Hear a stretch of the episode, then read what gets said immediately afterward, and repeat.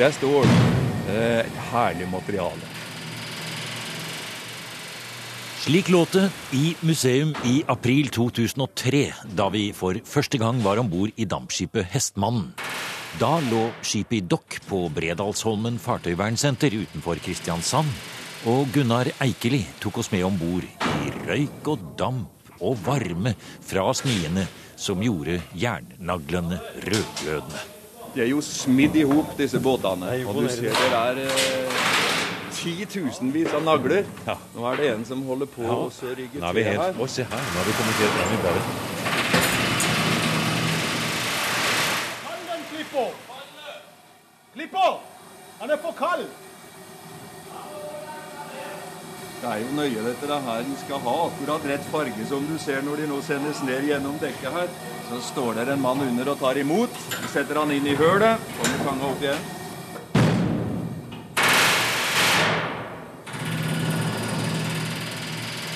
Reisen har vært lang for dampskipet Hestmann. Siden den 185 fot store lastedamperen ble bygd i Bergen på bestilling fra Vesterålens dampskipsselskap i 1911. Etter to verdenskriger og en farefull tid i opplag og forfall ble skipet overtatt av Norsk veteranskipsklubb i 1979. Og etter mer enn 80 millioner kroner i tilskudd fra Riksantikvaren og tusenvis av arbeidstimer over mange, mange år, kunne Hestmannen endelig legge til kai ved Kilden kulturhus i Kristiansand, nesten ferdig restaurert i november 2011, med kong Harald og 240 krigsseilere til stede. En av dem som har stått i spissen for ildsjelene, er krigsseilerveteran Søren Bransnes. Og nå går vi opp langgangen sammen med ham.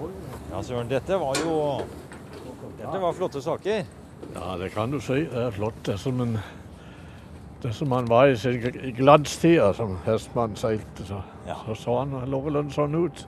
Da lukter det vel like godt, tenker jeg, tjære fra dekket som det gjorde i 1911. Ja, det, det gjør det sikkert. Ja. God, god gammeldags lukt, det, for, sjøfolk. sjøfolk. Skal vi, gå, skal vi gå litt utover på dekket her? Det er vel sånn, eh, Søren, at du har vært med på dette arbeidet med Hestmannen i så mange år.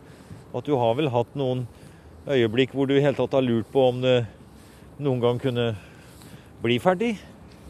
Å ja, det har vært mange øyeblikk sånn. Ja, det, Ja. det har jo dratt ut i så mange år at, eh, Ja. at uh, det så litt tvilsomt ut mange ganger. Men vi har jo aldri egentlig helt gitt opp sånn. Det har vi ikke. Vi har jo Det har vært folk her som har vært fantastiske til å arbeide med dette her. Noen sånne riktige ildsjeler som har stått på med Reist til Oslo og inn på Stortinget alle veier. Og se her som båten ligger nå, Søren. Hvis skulle Hvis vi bare snur litt på hodet her nå, nå står vi på dekket på Hestmannen, så ligger jo Hestmannen nå i sin flotte, nyrestaurerte prakt her. Den er malt grå, men så ligger da ved siden av dette flotte nye Kilden kulturhuset som ligger kloss inntil her.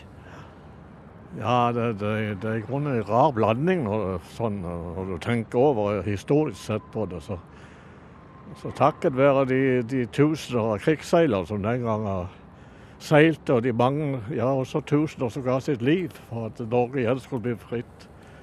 Og takket være den innsatsen den gangen, så har vi jo blitt et fritt og i ettertid et godt, godt land som har råd og anledning til å sette opp sånn et, et bygg som Kilden er her. Så det, det er jo gledelig at vi har Vi kan se en har fått noe, fått noe igjen for, for innsatsen. Så du ser den eh, symbolikken i det, ja, Søren? Altså krigs, monumentet over krigsseilerne som ligger foran monumentet over vel, Velstands-Norge? Ja, jeg gjør i grunnen det at de har, utviklinga har vært sånn at, de, at det har tatt tid. Men det, er- at, at eh, spesielt unge mennesker i dag, de, de, ser, eh, de ser den innsatsen og at det, det koster den gangen å, å vinne friheten og, og flagget vårt tilbake igjen. Som det en gang var. Sammen med oss på dekket på Hestmannen står historiker Ingrid Neser fra stiftelsen Arkivet i Kristiansand. I samarbeid med krigsseilerne skal arkivet fylle skipet med innhold. Det skal bli et flytende kulturminne for krigsseilernes historie. Og det er det som er så inspirerende når vi skal bygge et museum om krigsseilernes historie om bord på dette skipet. At også krigsseilerne er opptatt av de linjene vi kan trekke frem til i dag. Hva kan vi lære av krigsseilernes historie? For skal den leve videre, så må vi ikke bare ha et fokus på alle opplevelsene. Og det er mange opplevelser når det er snakk om 34 000 krigsseilere bare under andre verdenskrig. Og vi skal snakke om dem under første verdenskrig også. Og alle de ulike opplevelsene de hadde, og de ulike erfaringene. Og så kunne se på hva kan vi lære i dag av alle de historiene, alle de opplevelsene. Ja, for søren, det er jo, vi må jo si det også i et program som dette, at er det noe man virkelig kan lære, altså som Norge kan lære når det gjelder historien om krigsseilerne, så er det jo kanskje å gå litt i skammekroken for den behandlingen som krigsseilerne fikk. Du har vel et og annet, eh, tenker jeg, å si om eh, måten krigsseilerne ble behandlet på etter krigen? Ja, det, det var jo jeg må si var svært dårlig. Vi ble jo ikke anerkjent som at vi hadde vært i vært med, vært med i krigen, i, i, frihetskampen, for å si det sånn. Det var jo folk ellers som hadde gjort den bragden da. at Sjøfolk de hadde jo, hadde jo ikke, liksom ikke gjort noe. Det, det, det, er jo mange ting som skjedde rett etter krigen. Jeg kan f.eks. nevne de mange enkene som var her etter uh, krigsforliset sjøfolk. De, de, det var faktisk forslag opp om at de skulle få en dårligere pensjon eller folk som, hadde, som døde f.eks. i tysk fangenskap og ellers i militæret. Men det, det ble riktignok ikke vedtatt, men at det i det hele tatt kunne komme et sånt forslag, det er helt utrolig. Ja, for du har jo også selv opplevd å øh, gå i konvoifart og være utsatt for torpedering. Men du ble jo tatt til fange du, Søren, også? Ja, det er riktig det. For uh, det er jo stort sett ubåt, ubåt, tysk ubåtkrigen som, var den mest uh, sentrale. da, men Tyskerne hadde jo også en del overflateskip som de, de seilte rundt med, ikke minst i Stillehavet og Sydatlanteren, såkalte raidere som opererte. De, så sant de kunne, så, så tok de priser skip som de kanskje som gikk alene og sånt. Og de hadde jo, Tyskerne hadde jo selv bruk for all verdens tonnasje. Så det var, det var ganger mange, mange sjøfolk som opplevde det, det å komme i tysk fangenskap. Men uh, vi var jo, var jo, blant de heldige som ble sendt hjem til Norge. da, og Selv om Norge var okkupert, så, så var det jo bedre, oss si, i en tysk fangeleir. Ja, Hvordan skjedde den historien da dere ble oppbrakt og, og, senere satt i fangenskap? Ja, Det var i 1941, i mars 1941. Vi var kommet fra England i i en eh, vestgående konvoi. Da. da. da den konvoien nærma seg amerikanske kysten, så gikk hvert skip til, til sin bestemmelsessted.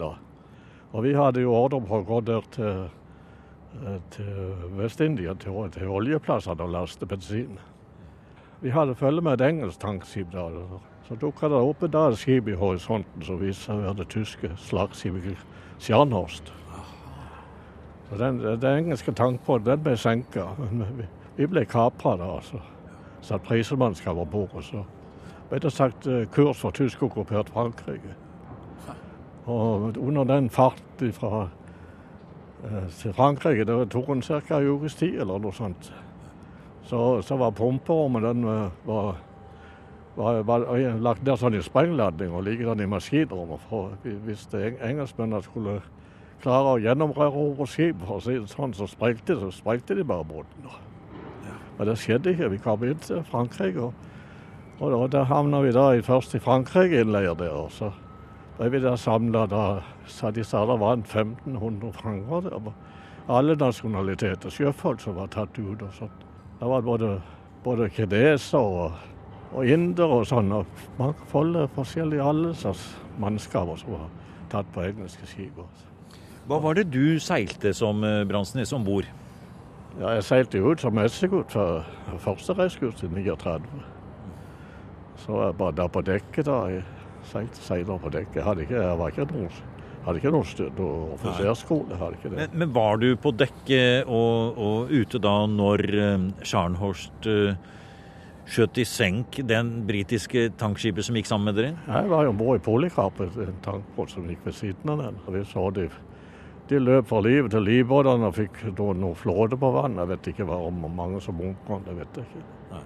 Kom noen av dem om bord til dere, kanskje? Nei, vi gjorde ikke det.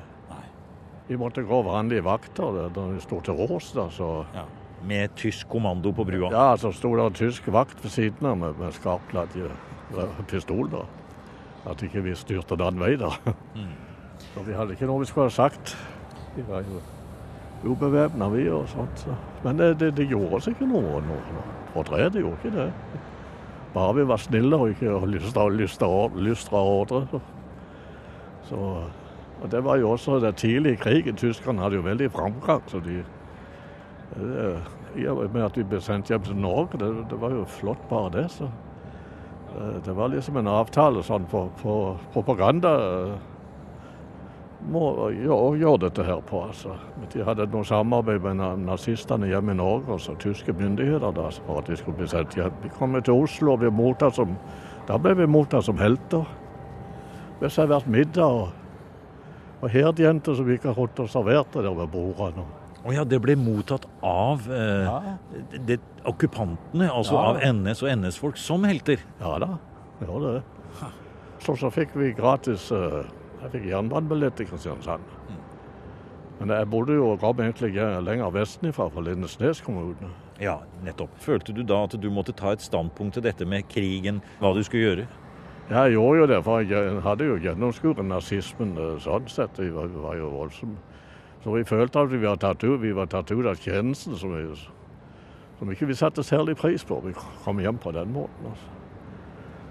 Så eh, det var ikke så lenge før vi planla en tur sammen med to kamerater. Så kom tilbake til England igjen på høsten i 1941. Dere rømte over, flyktet over. Ja, ja. Meldte deg til tjeneste. Ja. Det var jo farlig, for det, var jo det var, det var jo dødsstraff. Men det, det visste vi ikke om da. Men det var en båt fra Arendal med seks personer. De gikk ut akkurat en måneds tid før oss fra samme traktene fra Lindesnes. De ble oppdaga av tyske fly, og så ble de da henta inn av sånn tysk vaktbåt her til Kristiansand. Vi visste ikke hva, vi hadde hørt det der, at de var blitt tatt, men vi visste ikke hva som hadde skjedd med dem. Etter krigen så fikk vi rede på det. Fem av dem ble skutt. Og det skjedde har ble sendt tysk fangenskap. Han døde kort etter krigen. Det var harde bud. Hvordan føler du selv, eh, Bransnes, at du har greit det? Altså, tenker du ofte tilbake på disse opplevelsene, eller er det noe du har på en måte bare gått videre fra? Nei, det er jo ikke det. Jeg ser det sånn at jeg har vært svært heldig som har, som har overlevd dette her. Og så likevel levd såpass lenge som at jeg fikk oppleve hestmannferdig. Det er jo, det er jo helt fantastisk. Jeg har vært veldig, veldig heldig. Jeg har det. Ja, for én ting er jo den dramatiske historien som Søren Bransnes forteller her, eh, Ingrid. Men selve det skipet vi står på her nå, Hestemannen, hvor vi står på dekket her og ser kilden bak, og det er jo så flott, og vi ser det er folk oppå på brua der som kanskje venter litt på oss der oppe, og vi skal straks gå opp der. Så er det jo slik at selv om den historien vi hørte var så dramatisk, så har jo dette, denne båten her, den har jo opplevd to kriger. Ja. Og den har overlevd to kriger. Ja. Og det at den har overlevd både to kriger og tiden etterpå, er jo helt utrolig. Fordi den er den eneste handelsbåten som eksisterer i dag, som har overlevd ikke bare første verdenskrig, ikke bare andre verdenskrig, men begge verdenskriger. Fortell oss litt om Hestemannens historie når vi går litt inn i det nye, flotte, restaurerte skipet. Bygget i 1911, over 100 år gammel. Det stemmer. Bygget på Laksevåg i Bergen i 1911. Med da passasjersertifikat for 100 passasjerer. Og når du kikker inn i byssa her etterpå, hvor man skulle lage mat til 100 passasjerer, så syns du synd på han som skulle lage det. Men den båten her, den skulle altså da gå i eh, Nord-Norge, den da, med både stykkgods og passasjerer?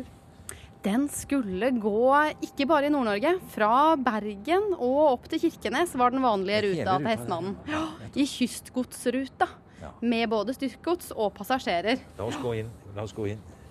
Vi, vi går over en høy terskel her, kommer inn på dørken her inne. Og se disse flotte dørene som er restaurert alt sammen, og det er malt så fint. Og det er eh, Ja, skal vi lukke opp her? Ja, den døren tror jeg ikke du får åpnet. Nei, den er men låst. Den er låst. Ja. Vi, dere var fortalte historien om hestemannen som går med stykkgods og passasjerer fra Bergen og nordover. Og, og det som var historien til båten, eh, Ingrid, det er jo dette at etter at eh, den, altså, båten altså da går i fart under første verdenskrig, hvor så utrolig mange båter blir torpedert, så ved et mirakel så blir ikke Hestmannen torpedert. Nei, og man snakker jo ofte om et mirakel, eller om at båten har en skytsengel. Og etter første verdenskrig så gikk denne båten under navnet The Lucky Ship, altså det heldige skipet. Eh, og en av grunnene til at hestemannen var heldig, var kanskje at dette var en litt treg båt. Den mista rett og slett en, en av konvoiene sine, hvor alle andre skip ble torpedert. Eh, og overlevde på den måten. Nå gikk Ja. vi bare litt over en terskel her. Ja, det var Lucky Ship, ja. Og så var det jo slik at etter første verdenskrig så eh, fortsatte jo da Hestmannen å gå i eh, kommersiell trafikk. Ja da, fortsatte å seile i kystgodsruta eh, opp til Nord-Norge. Men også helt ned til Bergen, og noen ruter også til Oslo. Ja, Så dette var en sånn typisk Dar kjem dampen-båt, altså som gikk eh, langs eh, kysten ja, med stykkgods og la til i mange forskjellige havner. Og ble et veldig kjent bilde da i Kyst-Norge i den ruta den gikk. Og slik fortsatte det, men tiden gikk vel for så vidt fra denne båten. Ja, på mange måter så kan man kanskje si at Hestmannen ble reddet av andre verdenskrig ved at denne båten var på mange måter utrangert. Den var for gammeldags. Eh, da krigen brøt ut, så ble den satt inn i krigen. Og kommer vel etter hvert med i Nortraship. Det stemmer. Hestmannen eh, la fra kai på samme dag som kongen eh, i britisk konvoi over til England. Og seilte langs den britiske kyst under hele andre verdenskrig. Med én avstikker til Island. Gjorde sin tjeneste og var på nytt utsatt for mulig torpedering, men greide seg jo igjen. Ja da. Den, eh, den største faren hestemannen var utsatt for, var da et eh, bombefly klarte å eh, treffe masten. Og rett og slett brakka masten til skipet, men bomma med fem bomber. Her står vi bak på akterdekket her, eh, Søren, og ser hvordan eh, ormetauene her er satt fast i kryssholt, og det er en store, fine vinsjer her. og det, er, det virker jo nesten som alt er gjort så ship shape at uh, uh, det er bare kasselås. Ja, det ser sånn ut. Ja. Det er bare å, å få, få på losen og så gå på tøyningene. Men er det gjort slik at hestemannen nå kan gå for egen motor? Nei, han kan ikke det. Nei. Det, det er jo noe med maskinen, altså. Men eh, Ja. det skal visst ikke så veldig mange millioner til før den kan være gjort i stand. Så, det, Så der er det et eh, trenger- nytt prosjekt, ja. til. Noen millioner til. Nå skal vi gå litt innover i båten igjen, kanskje gå ned i lasterommet og snakke litt om hva dere skal bruke denne båten til etter hvert. For den skal jo gå, som dere sier, med tankegods heretter. Ja da. Fra stykkgods til tankegods har vært et, eh, et mantra for museumsplanene i mange år. Skal vi se, hvor er trappa nede nå? Den er rett til venstre her, den døren til venstre. Vi går nedover Leidere og forbi første lastedekk om bord i det restaurerte dampskipet Hestmannen, som nå ligger like ved Kilden kulturhus i Kristiansand. Vi er sammen med krigsseiler Søren Bransnes og prosjektleder Ingrid Neser fra stiftelsen Arkivet. Det er hun som har det faglige ansvaret for å gjennomføre det Kulturdepartementet har vedtatt om at Hestmannen skal være, som det heter, en formidlingsarena for krigsseilernes historie. Og du kjenner at temperaturen synker når vi kommer ned under vann. For et flott rom. Ja, det er helt fantastisk, men du har ikke sett det beste ennå. Du må kikke inn her, skjønner Er du? det enda bedre enn her? Ja, for nå skal vi inn i det som de fleste, når de kikker inn her, så ser de Åh. Dette er jo en katedral. Se her, helt foran i baugen er vi her nå. Et stort uh, forre lasterom ser vi her. Ja, dette er fremre lasterom. Det er ca. seks meter opp til neste dørk, altså til lasterommet over oss. Og man kikker helt opp til lasteluken som er ute i friluft. Det var der er- oppe vi sto når vi kom om bord. Den ligger ca. ti meter over oss. Og den takhøyden vi har her, Fantastisk. den er helt utrolig. Og den flotte klangen som det er her. Ja. Ja. Det rommet vi står i nå, det har vi en drøm om at skal bli et flerbruksrom. Her skal det være mulig å f.eks. sette opp en teaterforestilling, holde foredrag, vise film og lignende. Samtidig skal det være et rom som man kan kunne rydde bort stolene og bruke til andre aktiviteter. Så her ser vi for oss at museumsskipet Hestmannen også skal være kulturskipet Hestmannen. Og For noen flotte muligheter dere har her med alle disse flotte rommene og den helt utrolig flotte atmosfæren. Nå står vi og ser på noen rustne jernplater, noen malte. Og den lukta, den temperaturen og Hører du klukkingen i havet utenfor? Ja, ja, ja.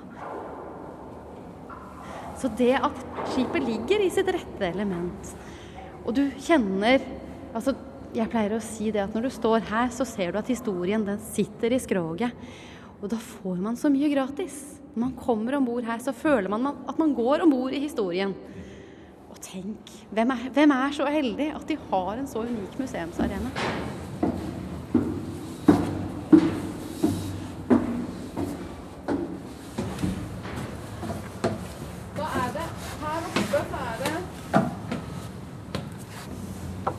Da går vi inn i kapteinens lugar. Vi mista konvoien en gang pga. storm. Gjorde du det, ja? Ja, så var vi alene igjen dagen etterpå, så det var ikke så hyggelig. Nei. Så fikk vi beskjed at vi skulle gå til den og den posisjonen. Da. Gikk vi til den posisjonen, det var ingenting. Så fikk vi opp i flere posisjoner. Så til slutt så var vi i England uten at vi hadde sett noe verdens ting. Det var bare flakset. Dette er det opprinnelige kompasset. Dette er styrekompasset. Og Det er jo da oljefyrte lamper som lyser inn her. Det er Optikus Opticus Kron i eh, Bergen som har bygget disse i 1911. Og eh, de eh, er original stand. Eh, I eh, Captain's Cabin og på brua er det fartøyansvarlig i stiftelsen Hestmannen, Bernt Utne, som tar imot. Ja, altså Vi har jo eh, nå eh, planer om å flytte fartøyet lenger inn eh, i, på Smiths kai, altså rett inn i sentrum av, av Kristiansand, hvor den kommer til å ligge ved det gamle fergeleiet der, med baugen utover. Og da vil vi eh, får en veldig veldig sentral eh, plassering, både for byens befolkning, men også for de som da kommer til eh, Norge. Det første de da får se, bortsett fra selve byen, da, så er det når de kjører ut gjennom tollporten, så ser de altså Hestmannen. Og det området den skal ligge i, det skal jo dere utvikle videre. Dere kaller det for Porto Franco. Ja, altså det er jo da planer om eh, det, og eh, der er det Altså en form for museal frihavn. Ja, en- hvis, du skulle bare forklare litt hva ideen bak denne museale havnen er. Ja, ideen bak det er jo å lage en eh, nasjonal eh, museumshavn. og Forslaget ligger da i Kristiansand. Det blir jo da en politisk eh, behandling av det. og eh, Da er Sørlandet en viktig eh, seilskute. Sørlandet. Og så er Hestmannen inne, og så kanskje flere andre fartøyer. Så Stiftelsen Hestmannens eh, ambisjon er jo å restaurere skipet eh, ferdig. Og eh, Foreløpig så kan jo fartøyet ikke seile. Og har jo en hovedoppgave som et museumsskip. Men man ønsker jo å fullføre restaureringen, og så er det jo tanker om at det kan være mulig å seile skipet i et begrenset kystfart når det er fint vær og ellers. Men det er vel også nettopp når det blir satt inn i en sånn sammenheng som du nevner nå, i en museumshavn med også andre skip, seilskip seilskipet Sørlandet, også andre kanskje mer moderne skip også, så får man jo også en helhet som jo blir en hyllest til hele sjøfartsnasjonen eh, Norge, og blir mye bredere. Og kanskje også føles som man oppnår da hensikten enda bedre. Ja, altså Dette er jo en del av vår nasjonale kulturarv. Eh, Vi har eh, vært en nasjon av sjøfarere i hundrevis av år. Og da dreier dette seg om å ta vare på eh, vår fortid. Høres fint ut dette her, Søren. Nå, nå høres det ut som det blir fart i sakene her. Ja, det høres riktig ut til at det skal bli fart i det. Det, gleder meg voldsomt. Og, Ja. Som har fulgt med med Hestmann-prosjektet. Det, det er så blitt så stor interesse for det blant, blant den yngre generasjonen, for å si det sånn. Det er i hvert fall med glede at en, at en har sett at båten er kommet så langt i restaureringa. Så jeg ser fram til den dagen når det virkelig ser at det er en utstilling her og, som representerer den, den, den, den harde tida der som, som, som Hestmann var, var, var deltaker i. En form for både hyllest til og respekt og kanskje oppreisning også, kan vi kanskje si, for, for de mange tusen krigsseilerne.